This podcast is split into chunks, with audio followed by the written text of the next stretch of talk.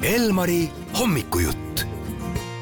jõulutervituseks kõigile kuulajatele on valmis saanud uue jõululaulu Kaari Sillamaa. laul kannab nime Jõulud jõudnud. loo autor on meil nüüd ka telefonil. tere hommikust ja kaunist jõuluaega, Kaari Sillamaa! tere hommikust ja teilegi samad sõnad. mis ajendas teid nendeks jõuludeks selle loo sõnu ja viisi kirjutama?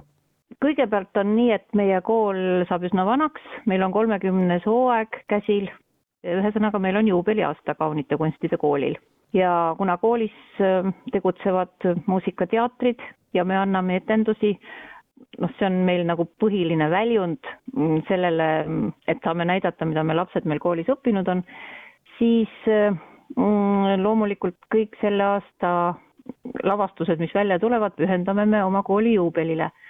ja, ja meil oli selline jõululugu Seitsme kitsetalle jõulud aluseks ikkagi Grimmide muinasjutt, aga tegime seda natukene ümber. Mm, hunt, et kitsetalle tere paremini ligi pääseks, muutis ennast jõuluvanaks, pani jõuluvana kuuri kinni ja nii. aga etendus iseenesest eh, algab peale lauluga Jõulud jõudnud, mida esitavad eh, seitse kitsetalle ja ema, nende ema kitsetalle teema ja selle laulu sõnad sattusid sellised, et äh, ei pea tingimata pildis laulma ainult kitsed või mis tahes loomad või jänesed või metsaelanikud, vaid ükskõik kes.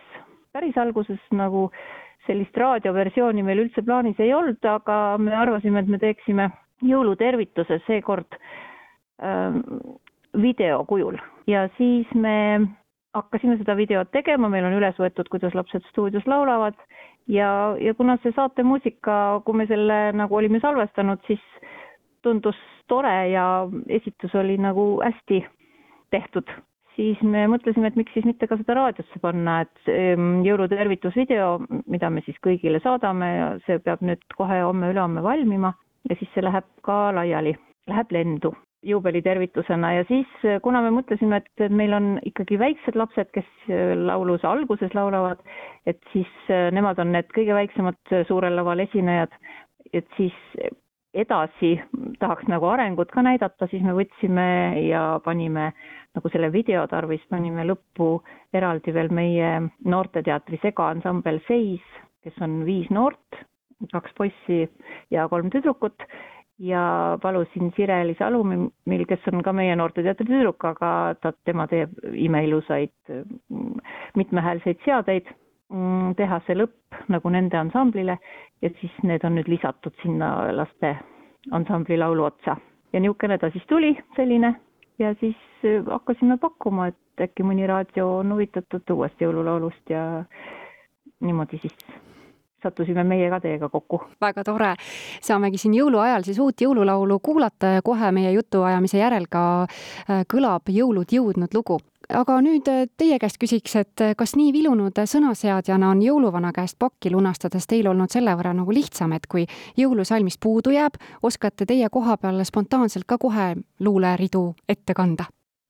vahest on tulnud äh, selline situatsioon, et ma pean kiiresti ise midagi ütlema riimis mm, -hmm. aga üldiselt on niimoodi, et mul on üks, no mul on üks kindel ähm, lugu, mida ma loen et see on äh, jäätisemüüja, kes oli kitsipung, siis seda ma aeg-ajalt loen ja mis üldse puutub minu tehtud laulusõnadesse, siis tegelikult äh, nendega on niimoodi, et ja see puudutab kõiki selliseid laulusõnu ka, mida ma olen teinud teiste autorite viisidele et ma ise ei mäleta neid sõnu, teised oskavad neid laulda ja mina siis ei oska ähm, oma kooli õpilaste laule ma oskan sellepärast, et ma ise õpetan neid ka, noh, mhm. just seda väikeste rühma, kes praegu seda Jõulud jõudnud laulab laulu algust.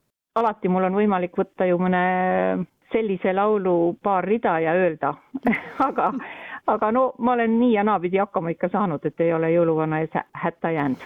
kui palju laule hetkel siin aasta lõpus teil veel käsil on või pooleli?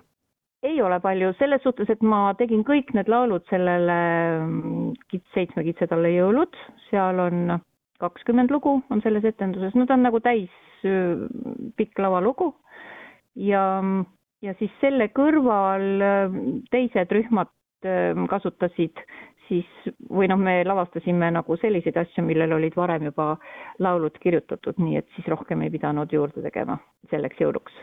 palju õnne Kaunite Kunstide Koolile kolmekümnenda aasta juubeli puhul. aga kui nüüd vaadata ette uue aasta poole, mida põnevat see toob äh, juubeliaastat tähistavale koolile? Äh, meil tuleb oma juubelietendus, mida me juba valmistame ette, see on äh, muusikal Prints ja kerjus. Süžee on juba kirjutanud Mark Oja, kes on meie kooli vilistlane ja muusikat praegu Jaanika Sillamaa teeb.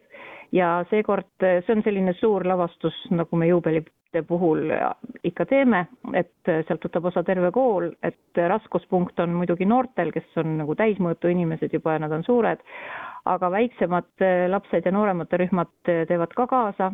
Ja seekord me kutsusime ka külalislavastaja, nii et Tanel Saar hakkab lavastama seda ja tuleb mai alguses. nii et Kaunite Kunstide Kooli, ma arvan, nii kodulehelt kui sotsiaalmeediast peaks leidma informatsiooni üles küll, et etendusi näha ja selles mõttes, et Prints ja Kerjus veel ei ole seal üleval ja, ja aga ta tuleb peatselt sinna. palju õnne veel kord Kaunite Kunstide Koolile ja hakkame kuulama Jõulud jõudnud uut jõululaulu. meie täname kuulajatega, Kaari Sillamaa, et saime siin jõuluajas ka rääkida. aitäh kõigile ja minu poolt ka häid jõule. raadio E